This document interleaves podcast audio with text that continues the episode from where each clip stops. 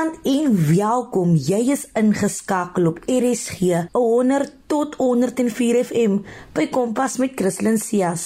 Ons gesels nou met Anisha Geisman van Wyngaard, 'n jong vrou wat glad nie ken van opgee nie. Dis Januarie en die kat sit op die stoof indien jy voorsiening getref het om beter die jaar die droë en lang maand te oorleef. Kudos vir jou aan die res van ons sterkte vir volgende jaar. Ek kon aan niks beter dink as om vanaand lekker inspirasie stories met julle te deel nie. Ek dink ons almal het dit immers nodig. En daar is een spesifieke storie wat my opnuut laat besef het dat daar mense daar buite is wat regtig swaar kry. Dit keer al egter nie om hard te werk en hul volle potensiaal te bereik nie. Vanaand kom kuier twee jong maar talentvolle vroue saam met ons in die studio en kom deel 'n bietjie meer oor hoe die lewe al vir hulle geskuur en geskaaf het. Anisha Geisman van Wyngaard van Oudtshoorn is 'n pas gegradueerde met 'n storie van inspirasie soos min. Lispie Willems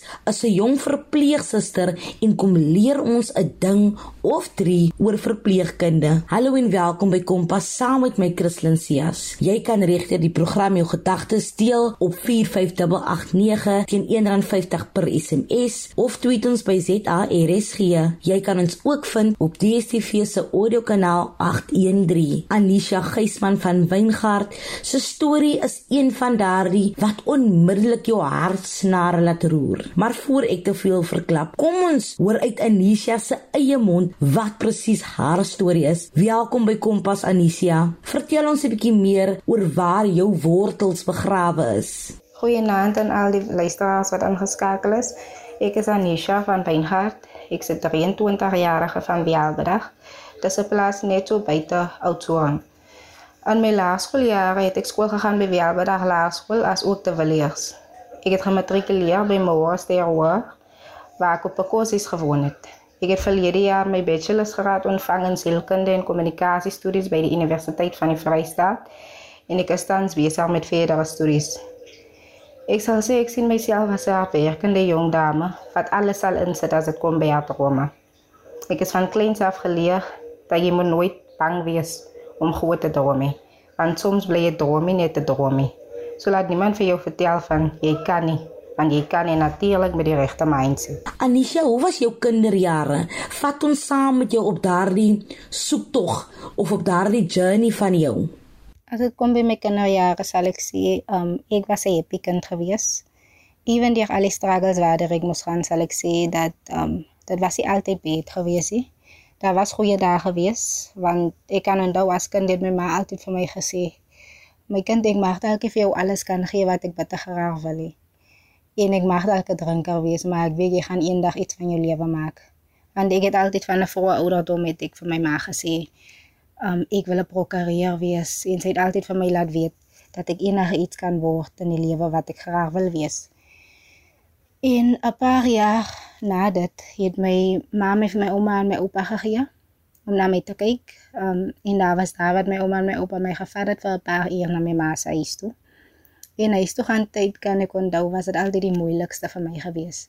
Want in my mind het ek dit gehad um dis waar ek behoort by my ma. En ek het altyd vir haar gevra, "Maar hoekom kan ek hier bly by jou nie?" En sy het altyd met trane na oor vir my gesê, "Meide, jy mag dalk nie nou verstaan nie." Maar jy sal eendag verstaan. Ek het na tyd dat ek kontak verloor met my ma vir hele paar jaar, want sy het getrek en eventually in my graad 11 jaar het ek weer um kontak gekry met haar. En elke woensdag het ek van die kursus af Smarty Town toe gestap om weer daai bond te kry wat ons voorheen gehad het. Want ek het gevoel sy het baie uitgemis in my lewe. Dinge waarvoor ek wou hê sy moes daar wees. En in my graad 10 of 11 jaar het ek my ouma verloor. Die een waarvoor ek die meeste moet dankie sê. Want sy het my gered uit daardie situasies uit waarin ek myself van ek was op daai oomblik. En na my ouma se dood het my auntie Jenny ingestaan vir my as 'n ma. En as ek terugkyk na alles, sal ek sê um sy was een van die mense wat ek in die, wat die meeste aan my geglo het en my onskep het in die pragtige jong dame wat ek vandag is.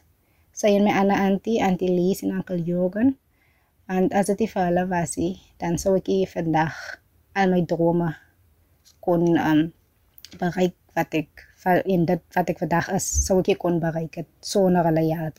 Wat sou jy dan sê watter struikelblokke moes jy al in jou lewe oorkom?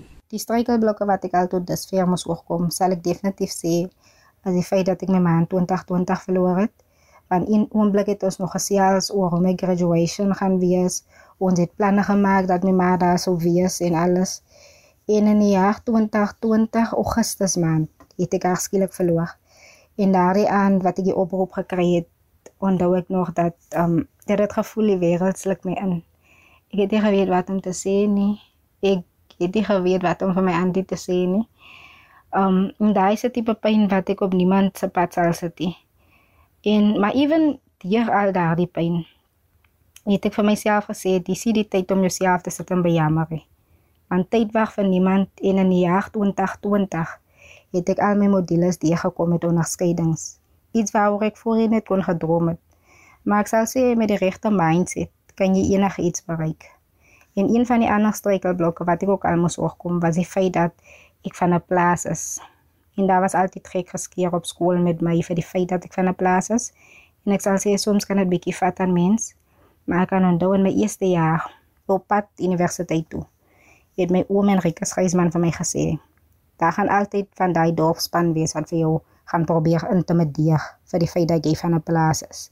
Maar jy moet een ding onthou, jy het net soveel potensiaal soos enige van hulle daarso. En jy is vir 1-0 daar. En dis advies wat ek um vir lewenslank saam met myself vat. Anisha, waarmee is jy tans besig? Ek is tans besig met my verdere studies en soos ek voorheen genoem het, ek het verlede jaar het ek my graad ontvang So ek doen my verdere studies dat ek meer opsies kan hê oor vir werksgeleenthede en dat ek myself in 'n posisie bevind waar ek eendag gaan passievol wees oor my werk en so nie. Is daar enige spesifieke lese waarby jy leef? My lese waarby ek leef is dat die wêreld skuld jou absoluut niks. Ons moet op met daardie verskonings van ek is wel afie, ons is te arm, ek is van 'n plaas. Mense sal my nooit ernstig opneem nie. Van die waarheid is, mense sal jou begin ernstig opneem sodra jy jouself ernstig begin opneem. Hoor jy het 'n Golden Q ontvang vir jou akademiese prestasies. Wat motiveer jou om so hard te leer en om elke keer beter te doen? In die jaar 2021 het ek Golden Q ontvang vir my akademiese prestasie. En vir die wat nou dalk weet waaroor Golden Q gaan nie, Golden Key is wanneer jy deel is van die top 15% in jou veld akademies. My motivering was altyd die feit dat ek gesien het hoe my ma gesukkel het en ek het vir myself altyd gesê, "Daai sal nooit ek wees nie." En ek weet baie mense sal nou sê, "Mense moet dit so noem nie." Maar omdat ek groot drome gehad het van kleins af, het ek myself beloof dat ek kan en ek gaan dit maak. En ek kan met trots sê ek het dit bereik waarvoor ek altyd gedroom het. Ek het wel nie regtig gaan studeer soos my ma wou gehad het nie. En soos ek vir gesê het ek sou doen nie. Maar ek het wel sielkunde en kommunikasie studies studeer. Kinta, vir iemand wat dalk vanaand 'n stoetjie in die regte rigting benodig, watter woorde van inspirasie het jy vir hulle? Vir iemand wat dalk vanaand net 'n push nodig het in die regte rigting, wil ek vir sê, jaag daardie drome. Al is dit hoe groot of hoe klein, jy sal nooit weet as jy nie regtig probeer nie apply na daardie universiteit. Apply vir daardie werk. Want jy mag daar die niks groot ding wees waar ons almal praat. So daardie is my storie. Baie dankie aan almal wat ingeskakel het. Nou ja, toe, wat 'n storie van hoop en inspirasie was dit nou nie. Ons gesels nou met Lispie Willems, 'n suster in die verpleegkunde Voor die breek het Anisha ons trane laat rol met haar storie van hoop en inspirasie en haar aanhouer wenhouding. Ek moes om trenslik aan die knop in my keel. Wat is jou storie van hoop? Laat weet my op 45889 of tweet ons by ZARSG.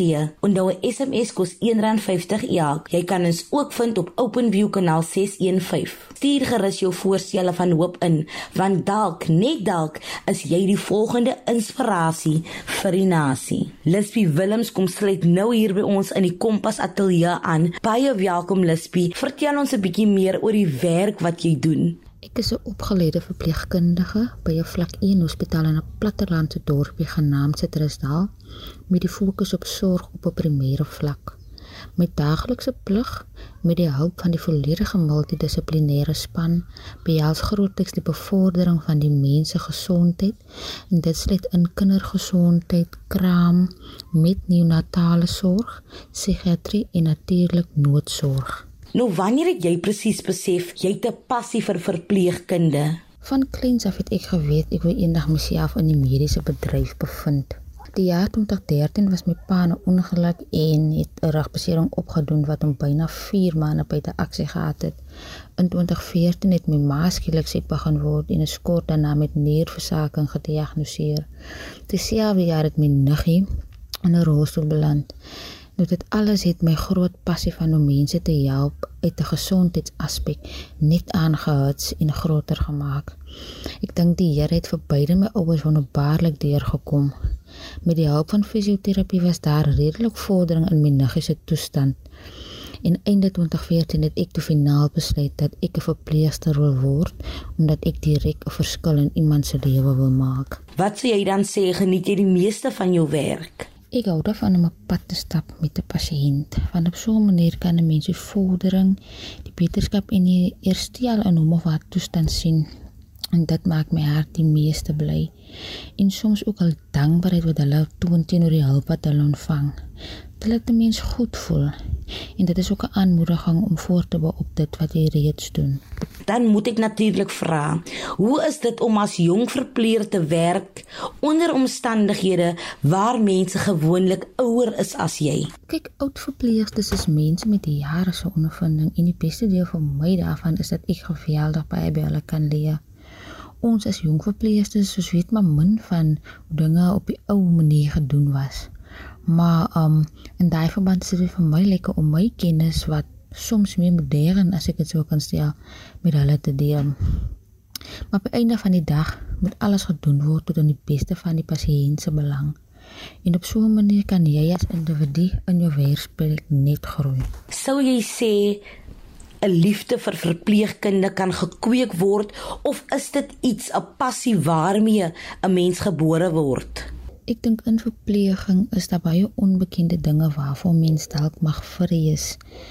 Waar baie mense vreesbevange is om met bloed te werk of is ook bang vir die hantering van 'n kraamproses of om met terminale pasiënte te werk. Daai is alles dinge wat ek glo mens met ter tyd kan oorkom en bemeester maar die liefde en die passie vir verpleging en om mense te help dit moet beslis daar wees want sonder 'n liefde en 'n passie glo ek sal jy vir die res van jou lewe ongelukkig in jou beroep wees. So ja jy moet beslis 'n liefde vir verpleging hê.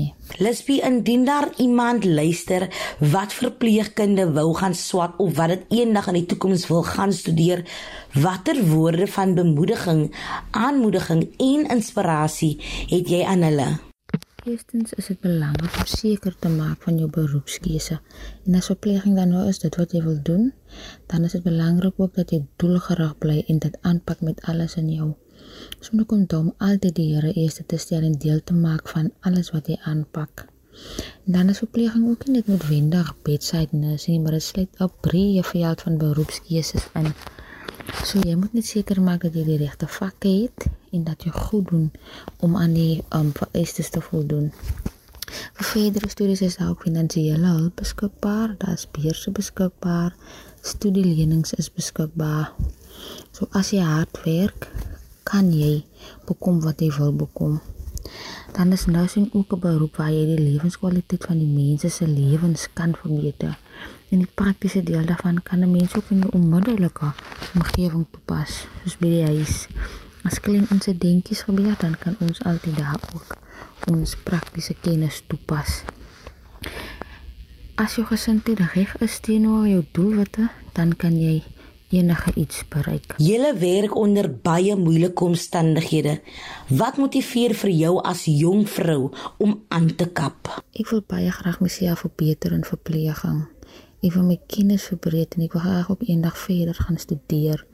So dit motiveer my om hard te werk en te kom waar ek graag eendag wil wees. Daar is ons alweer aan die einde van nog 'n lekker program. Soms moet ons net 'n tydjie vat, terugsit en opnuut weer hoop vind uit ander se verhale. Indien jy enige van ons programme gemis het of selfs net weer daarna wil luister, kan jy dit altyd aflaai op www.rsg.co.za. Klik net op die potgooi skakel en soek onder K vir Kompas. Kompas word aan jou gebring deur SABC Opvoedkunde. Stuur asseblief enige vrae of voorstelle aan my by christlincias1@gmail.com. Onthou asseblief om gaaf te wees. Jy weet nooit waar deur die volgende persoon tans gaan nie. Van my Christlyn en die span hier by Kompas, 'n veilige en lekker aand verder.